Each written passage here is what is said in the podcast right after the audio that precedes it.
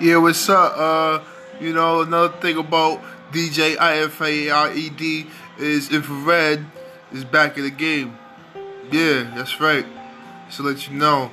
So, whether you got twisted and you think it's just malictic without these words that's being projected through the process of one gun being refused it and unclearly unsettled through the process of other things that's being said to who know other things that's not different, which over caused us.